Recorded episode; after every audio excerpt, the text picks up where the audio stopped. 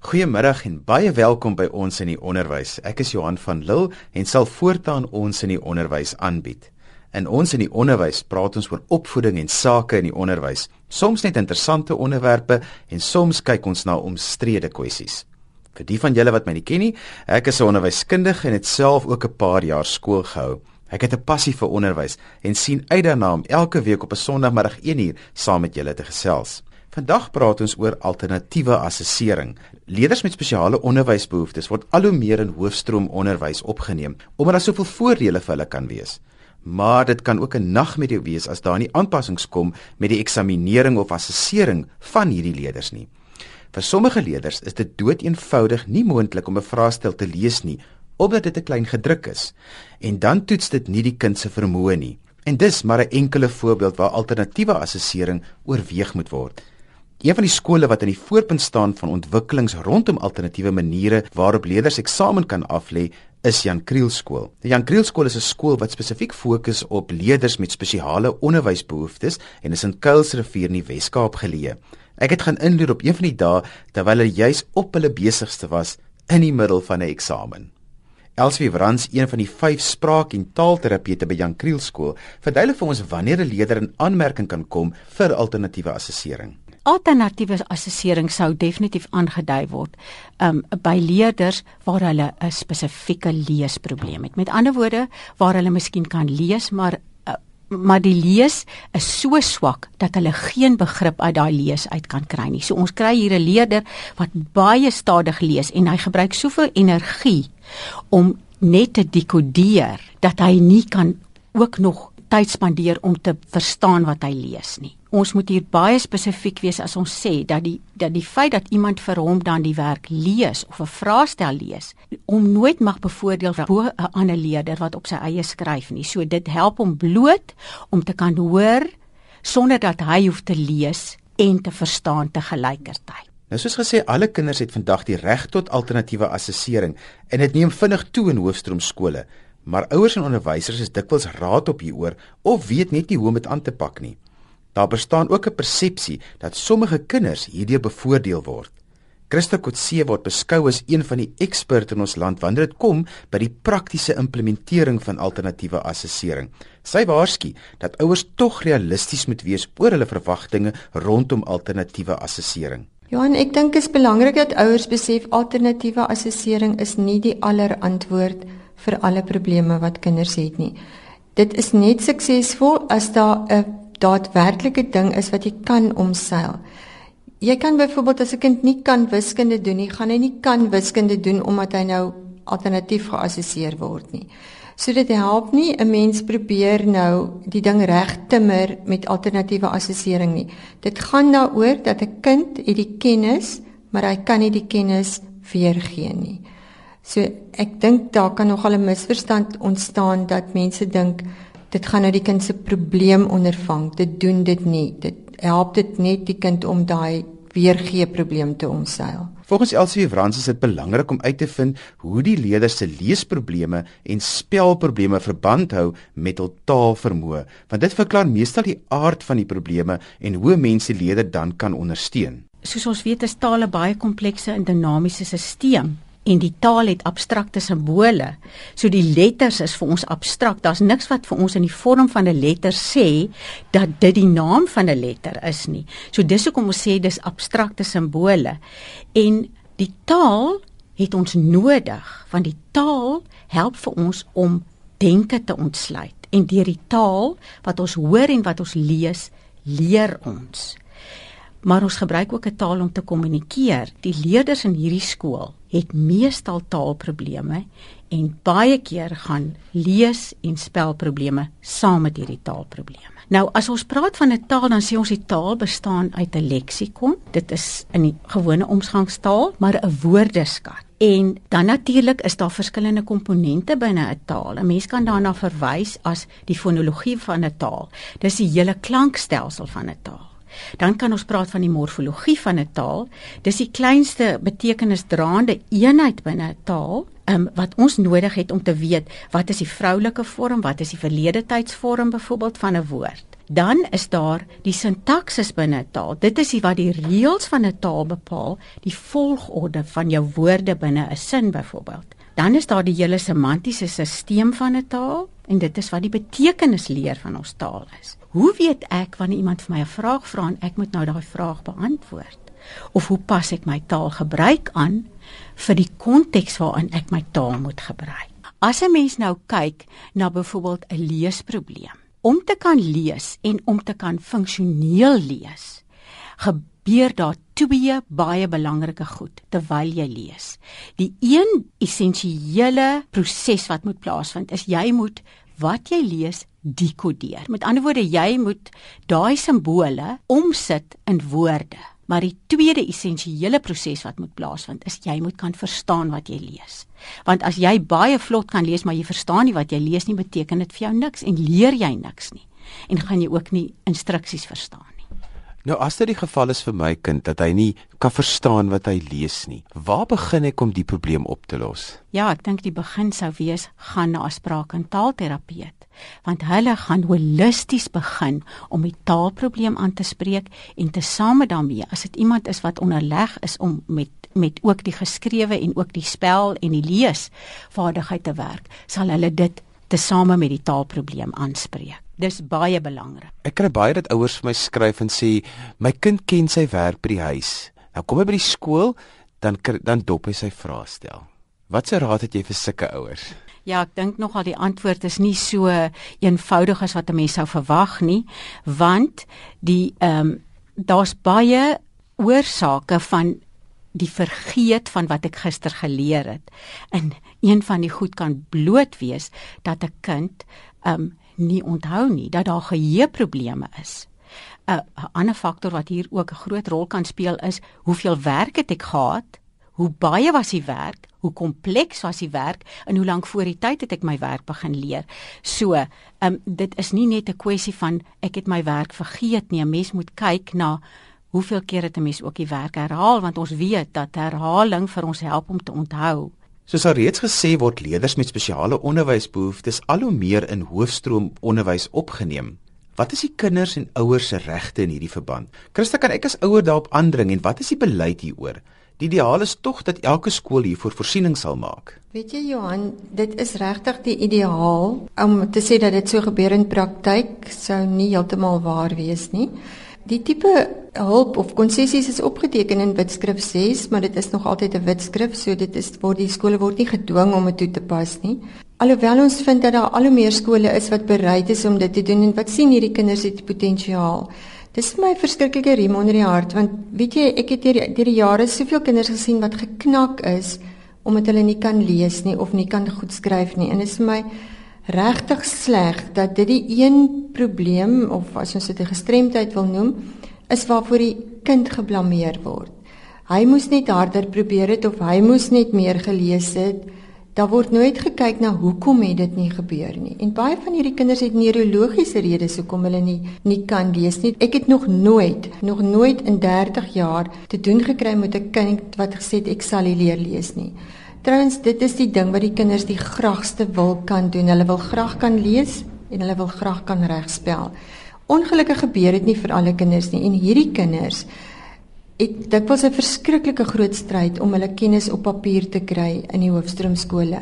En ek sou sê as die ouers 'n goeie verhouding het met die skool en die skool het begrip vir waar die probleem vandaan kom en wat die inperkings van so 'n probleem is, dan kan die ouers en die skole lankpad loop om deur middel van alternatiewe assessering die kind 'n kans te gee. Esther Fasen, een van die adjunkhoofde by Jan Kriel skool, het saam met my deur die skool gestap. Kom ons hoor wat het sy gesê. Al, ja, hulp is nou mos 'n woord wat vir ons baie versigtig is. Ons verdien ondersteuning. Ehm um, die hulpstorie gaan oor die kind moenie bevoordeel word bo 'n kind wat dit alles self moet doen. En weet jy, ons is baie gelukkig want Christa is die boffin in hierdie land oor hierdie onderwerp en oor al hierdie maniere waarop mens kinders kan help. Ehm um, dit het begin met 'n bandmasjienkie. Daar het jy nou in die sentrum gesien watter ingewikkelde programme die kinders nou al gebruik. Dit is regtig ons doel om vir die kind die geleentheid te gee om dit wat waartoe in staat is om dit te laat uitkom. Christa, het julle 'n oplossing vir elke probleem rondom assesseringsuitdagings? Ja, dis baie interessant. Net soos 'n mens dink nou weet jy alles, dan kom maar weer 'n dwarsbrander met 'n kind met 'n hele ander beeld. Maar dit die, die ek het die voorreg om in 'n span te werk en en dis 'n baie sterk span. Ons is terapeute, hier's arbeidsterapeute, hier's fisioterapeute, hier is spraakterapeute, die onderwysers, almal werk saam en ek dink om so iets suksesvol te doen, moet dit 'n heel skoolbeleid wees. Want weet jy, ons kan byvoorbeeld nie die audio vir die kinders verskaf as die onderwysers nie vir ons die audio materiaal, dis die kinders se studiemateriaal. So ons is afhanklik in hierdie afdeling van almal se samewerking. En ehm um, dis regtig nie iets wat 'n mens op jou eie doen nie. Ek daar's baie keer wat ek weet wat om te doen nie en dan sal ons 'n dinkskrim hou en ek sal met die terapeute konsulteer, met die hesters konsulteer, my kollegas konsulteer en dan werk ons maar net die beste van ons vermoë uit en steeds is ons nie op 'n 100% ding nie ons probeer maar net ons bes. Vandag praat ons in ons in die onderwys oor alternatiewe assessering en ek het gaan besoek af lê by Jan Kriel skool en met van die onderwysers gesels oor hoe hulle prakties alternatiewe assessering in die skool toepas. Jan Kriel skool is 'n skool vir leerders met spesiale onderwysbehoeftes. Ek wil by Christa Kotse weet hoe lyk 'n tipiese assesseringsdag by die skool? Goed Johan, die ideaal weer eens is dat die kind baie goed voorberei kom, dat hy geleer het. Gewoonlik, nie gewoonlik die meeste van die tyd kom 'n lees en 'n skryfprobleem saam voor. So baie van hierdie kinders sal dan op 'n of ander manier hulle hulle leerwerk ook auditief gehad het. Uh, ons werk met rekenaars of MP3 spelertjies of sulke goed. So die kind het nou gistermiddag gesit en hy het goed voorberei en hy kom vol kennis hieraan. Dan het ons 'n groep transkribeerders wat wat op 'n lys kom. Die kinders se name is op 'n lys en ons werk dit maar so deur van 'n kant af. Die persoon gaan haal die die kind en dan gaan hulle na 'n afsonderlike lokaal toe. Dis nogal belangrik en is my interessant dat dit een van die vrae is wat ek die meeste kry is nou maar moet die mense apart skryf en hulle moet apart skryf want anders hoor die ander kinders mos dan die antwoorde. So wat dan gebeur is die die transkribeerder lees vir die kind die vraag, hy 'n vraag stel en jy 'n vraag stel. Jy lees vir hom 'n vraag en hy gee die antwoord en jy moet presies neerskryf wat hy sê. Jy mag nie op enige manier verbaal, nie verbaal op enige manier aan die kind 'n aanduiding gee of sy vraag reg of verkeerd of sy antwoord altens reg of verkeerd is nie en jy mag ook nie die vraag verduidelik nie. En dit is iets wat nogal baie keer dink ek in ouers se koppe waar daar misverstand is. Transkribering is net 'n manier vir 'n kind met 'n skryfprobleem om sy antwoorde op papier te kry. So dis 'n mondelinge eksamen. Daar is geen manier wat die transkribeerder die kandidaat mag bevoordeel nie want soos ek gesê het dan kan die eksamen ongeldig wees. Ons mag glad nie woorde verduidelik nie as die kind vir jou sê ons het nie dit in die klas gedoen nie, dis een van hulle gunsteling verskonings. Dan sê jy maar net ek kan weer vir jou die vraag lees. En dis belangrik dat ons almal dit op presies dieselfde manier doen want as jy dit gebeur soms dat 'n transkribeerder se hart 'n bietjie sagter is en ons vind dit baie gou uit wanneer die kinders kom vertel vir ons of ons kom agter dis 'n baie gewilde transkribeerder en dan sal ons maar daai persoon liewerste op toesig sit maar dan mag op geen manier enige kennisaanduidings wees vir die kind nie. So dis maar net jy lees vir die kind die vraag, jy skryf die antwoord neer. As jy weer vir die vraag moet lees, dan lees jy dit weer. Byvoorbeeld 'n begripstoets wat baie keer 'n lang leesstuk is. As die kind as dit sê vind 'n sinoniem, dan mag jy nie die paragraaf gaan lees waarin die antwoord kom nie. Jy begin van voor af elke keer. En die kind moet jou stop wanneer hy nou dink hy hierdie antwoord. So dit gebeur dat jy tot 5, 6 keer dieselfde stuk oor en oor en oor deurlees. En as ek nou dit sê, dan moet ek ook sê en dan binne die eksamen se tydsbeperking. Die kinders kry nie outomaties langer tyd nie. As die departement 'n uh, amanuensis of 'n transkribeerder goedkeur, dan moet jy ook afsonderlik aansoek doen vir langer tyd. Prakties hier in die sentrum het ons vandag gehad kinders wat gekom het vir gewone transkribering wat ons uitgeplaas het by dames wat kom of daar was 'n paar here ook. En dan die lokaal waar jy nou net was met die baie rekenaars, was daar kinders wat die rekenaar gebruik het om mee te praat. Dis stemherkenning sagte ware. So die kind het gaan sit Hy het die rekenaar gebruik om na sy vraestel te luister en hy het ook met die rekenaar gepraat en dan tik die rekenaar wat hy sê. Dit is 'n wonderlike nuwe verwikkeling. dat dat ons nou stem geaktiveerde sagteware het en dit sou fantasties wees as ons 'n groter deel van transkribering kon vervang daarmee. Ongelukkig is dit nog net in Engels beskikbaar. So wat ons nou probeer doen is alle vraestelle wat in Engels afgeneem word, probeer ons die kinders aanmoedig om eerder van die rekenaar gebruik te maak omdat dit 'n baie meer toekomsvriendelike oplossing is. Transkribering het sekere praktiese implikasies as die kinders die skool verlaat. As hulle met die rekenaar gewerk het, kan hulle hulle stem leer aflaai op 'n geheuestokkie en hulle kan eenvoudig na 'n tersiêre inrigting toe gaan. Baie van die tersiêre inrigtinge maak ook van die program gebruik en hulle stem leer insit daar en hulle gaan aan. Die rekenaar is ook minder veroordelend. Nie dat die transkribeerders veroordelend is nie, maar dit is altyd senitergend as iemand jou so sit en kyk soos jy nou vir my aankyk. maar dit ehm um, so ons vind dat dit baie interessant van ons kinders wat vreeslik hakel by transkribering praat vlot met 'n rekenaar. En dis een van die van die wonderlike dinge die rekenaar frons nie, die rekenaar gaan so teen jou eie tempo, hy kan baie vinnig gaan. Die nadeel is dat die kinders moet die stemleer eers 'n bietjie afrig voordat hulle gewoond raak daaraan.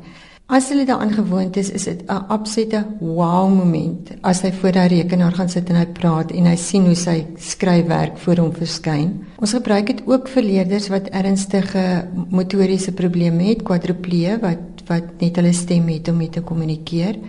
Um of leerders wat op ander maniere handfunksie probleme het. So dit is um Dis regtig dink ek die pad van die toekoms. So waar kom die transkribeerders vandaan en hoe word hulle opgelei en ondersteun om die beste ondersteuning te verskaf? Ja, en dis 'n baie goeie vraag. Ons soek altyd mense wat geskik is. Nou nie enige iemand wat 'n pen kan vashou is geskik om 'n transkribeerder te wees nie. En dit is 'n baie groot bekommernis. Want vir ons maak vreeslik wyd gebruik van transkribering. En as dit skeefloop, as die integriteit van die eksamen in gedrang kom, dan gaan ons kinders wat dit die nodigste het die meeste ly. So ons agiteer baie sterk met die departement dat alle transkribeerders opgelei moet word. Ek hou van tyd tot tyd werkswinkels. Daar is mense van buite wat kom, maar ons eie transkribeerders wat ons hier by Jan Kriel gebruik, is almal opgelei. Ons moet so van tyd tot tyd vir iemand sê die persoon is nou nie heeltemal geskik vir 'n transkribeerder nie, want daar's ook sekere persoonlikheidseienskappe wat jy in so 'n persoon soek. Dit is nogal my interessant. Ek maak nie baie graag dit gaan nou erg klink van vrywilligers gebruik nie. Ons betaal ons mense want ek sê altyd die hart van 'n vrywilliger is om te help. En dis die een ding wat jy nie in 'n transkriberingssituasie moet doen nie. Van die oomblik as jy die kind bevoordeel, dan kom die integriteit van die eksamen in gedrang en dan kan die eksamen heeltemal ongeldig verklaar word. So dis vir ons belangrik dat die ding reg geskied. Ouers moet definitief nie vir kinders transkribeer nie, want ek kan nie dink hoe jy nie selfs op 'n nie verbale manier jou kind gaan, jy weet jy kom ons maar vir ons is die antwoord verkeerd is of soets en jou kind ken jou en dan sal hy weet. So ons probeer dit baie um objektief hou en baie volgens die riglyne. Dit is besig om baie wyd uit te sprei en mense is maar bekommerd dat die kontrole nie altyd reg is nie. So hoe weet julle nou as iets nie reg geloop het met die transkribering nie? Weet jy, jy by ons is dit baie maklik want ons ken ons kinders verskriklik goed en jy kom dadelik agter as as jy die vrae stel nie beantwoord is volgens die kind se vermoë nie. Ek sê altyd die transkribering is so goed soos die integriteit van die transkribeerder. Dit is so as 'n mens na die ding baie mooi gaan kyk, dan gaan jy dan gaan jy wonder oor bevoordeling. En dit is hoekom ons verskriklik sterk daarop is dat dit moet net die kind se probleem omseil. Ek voel altyd en ek sê dit ook in opleidingswerkswinkels, jy kan nie iets afskryf wat nie tussen die kind se ore is nie. So dan dit jou kennis moet geen rol speel nie. Dit is jy's net 'n instrument om die kind se kennis oor te dra. Julle kinders gaan nou tot by graad 12. Jy het net 'n bietjie verwys dat by universiteite kan jy ook jou stemleers gebruik om dan nou jou tekste kan sien op die skerm. Maar wat help is daar na skool vir kinders wat nou hier klaar maak beskikbaar? Weet jy Johan, ons sommige gevalle vir ons eie kinders sal ons 'n transkribeerder uitstuur. Dit is egter sodat dit prakties 'n baie groot probleem raak want ons is ook maar kort aan hande. Maar die groot ding is dat ons 'n kommunikasie het met die na na of die tersiêre inrigtinge en baie van hulle het ondersteuningseenhede. Nou hulle is heeltemal be bereid om vir die kind transkribering te verskaf. Party van hulle, party van hulle sê hulle is, maar dan is hulle nie. Of as dit by die kruks kom, dan dan weet hulle nie hoe nie. Maar daar is heelwat van die van die kampusse wat wel vir die kinders ondersteuningsdienste skep of hulle sal toestemming gee, maar dan moet ons net reël dat die praktiese uitgevoer word. Nou Christopher gehoorgestremde werk transkripsie so 'n bietjie anders. Verduidelik vir ons hoe dit verskil. By gehoorgestremdes mag hulle herfraseer, want daar is 'n baie definitiewe uitval ten opsigte van taal. Jy mag dit vir geen ander kind doen nie en ek dink daar is nogal verwarring, want in 'n gewone transkribeerder situasie waar jy nie met 'n gehoorgestremde kind werk nie, mag jy glad nie herfraseer nie. As ons praat van 'n gehoorgestremde kind, wat bedoel ons dan? Johan, in die geval van herfrasering moet die gehoorgestremdheid so erg of dermate wees dat dit die kind se taalontwikkeling beïnvloed het. Um so dit dit sal nie sommer net as jy so klein bietjie die radio moet harder stel dan is jy nou nie noodwendig gehoorgestremd vir um herfrasering nie. Dit is definitief waar die gehoorverlies die taalontwikkeling aangetast het. Esther, ek tel op hierse lokaal by die skool wat julle noem 'n struktuurlokaal. Wat is dit vir 'n ding? Dis 'n groepie leerders wat nie in die saal sit nie. Ehm um, hulle sit by die onderwyseres in 'n gewone klaskamer. Die kinders wat ons na daai lokaal toe verwys is 'n kind wat miskien 'n vraestel moet antwoord en dan vraag 1 nie kan doen nie en dan vashak. En nie kan vorder nie en die tyd gaan verby wat hierdie aanmoediging nodig het om goed, jy kan nou nie nommer 1 doen nie, maar gaan slank aan na nommer 2 toe, jy kan weer terugkom na nommer 1 toe. Of kinders wat dit verskriklik moeilik vind om in die groep in die saal uh gemaklik te voel. Hulle voel ongemaklik, hulle voel benoud, hulle het amper hierdie engtevrees tipe ding. En wanneer hulle in hierdie lokaal is, is hulle baie rustiger. Kinders met baie hoë vlakke van angs, eksamenangs, word ook in hierdie lokaal gehuisves. En dan is ook hierdie kinders wat net nie weet hoe om 'n vraestel te antwoord nie want as gevolg van die angs verduidelik iemand mos vir hulle hoe die struktuur van die ja, vraestel werk. Ja, ja. ja, dit is um, jy vertel vir hom of wys vir hom waar hy die vak se naam moet skryf en waar hy die datum moet skryf en ehm um, waar moet die nommers kom en as hy klaar is met die vraag moet daar 'n streep getrek word aan die einde van die antwoord en waar gaan hy aan met vraag 2? Dit is al daai soort ehm um, ingewikkeldhede wat in hierdie klas aangespreek word. En is daar dan iemand wat fisies rondloop tussen al die kinders om dit nou by almal te kontroleer? Dis 'n onderwyseres wat nou al jare lank hierdie werk het en sy het nou ook al 'n um, kenner geword op hierdie gebied en sy ondersteun hierdie kinders pragtig. Jan Kriel skool het my toegelaat om rond te loop terwyl hulle besig was met eksamens. Ek het ingestap waar die terapeute besig was met alternatiewe assessering. Elsifie, jy sit hier op die oomblik met 'n kind wat besig is om eksamen te skryf en ek sien dis 'n vergrote vraestel. So hierdie vraestel het baie groot letters op. Vertel vir ons waarmee jy besig is en dan ook wat jy doen hier by die skool. Ek sit hier met 'n graad 12 leerder wat aan die einde van die jaar in dieselfde eksamen as al die ander matrieks in ons land aflê. Sy vraestel het vergrote letters op. Ja, dit word vereis omdat die leerder um, dit moeilik vind om 'n 12 of 'n 14, selfs 'n 16 font te kan lees. So nie net alleen as die font vergroot nie, maar hy, dit moet dan nou oor 'n groter um, afstand versprei word.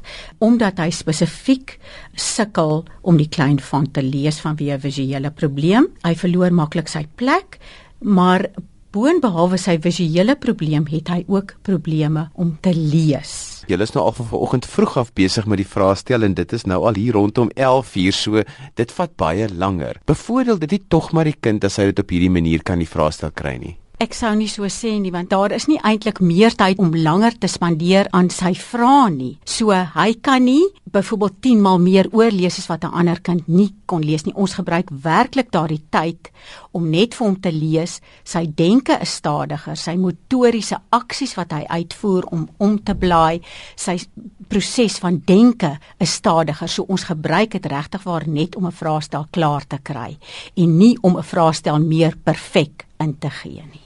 Dis dan al vir hierdie week se ons in die onderwys. As jy meer oor alternatiewe assessering wil weet, kontak gerus vir Jan Kriel skool by 021 903 1108. Dis 021 903 1108. Dankie aan Esther Fasen, Elsfie Frans en Christa Kotse wat my deur die skool geneem het.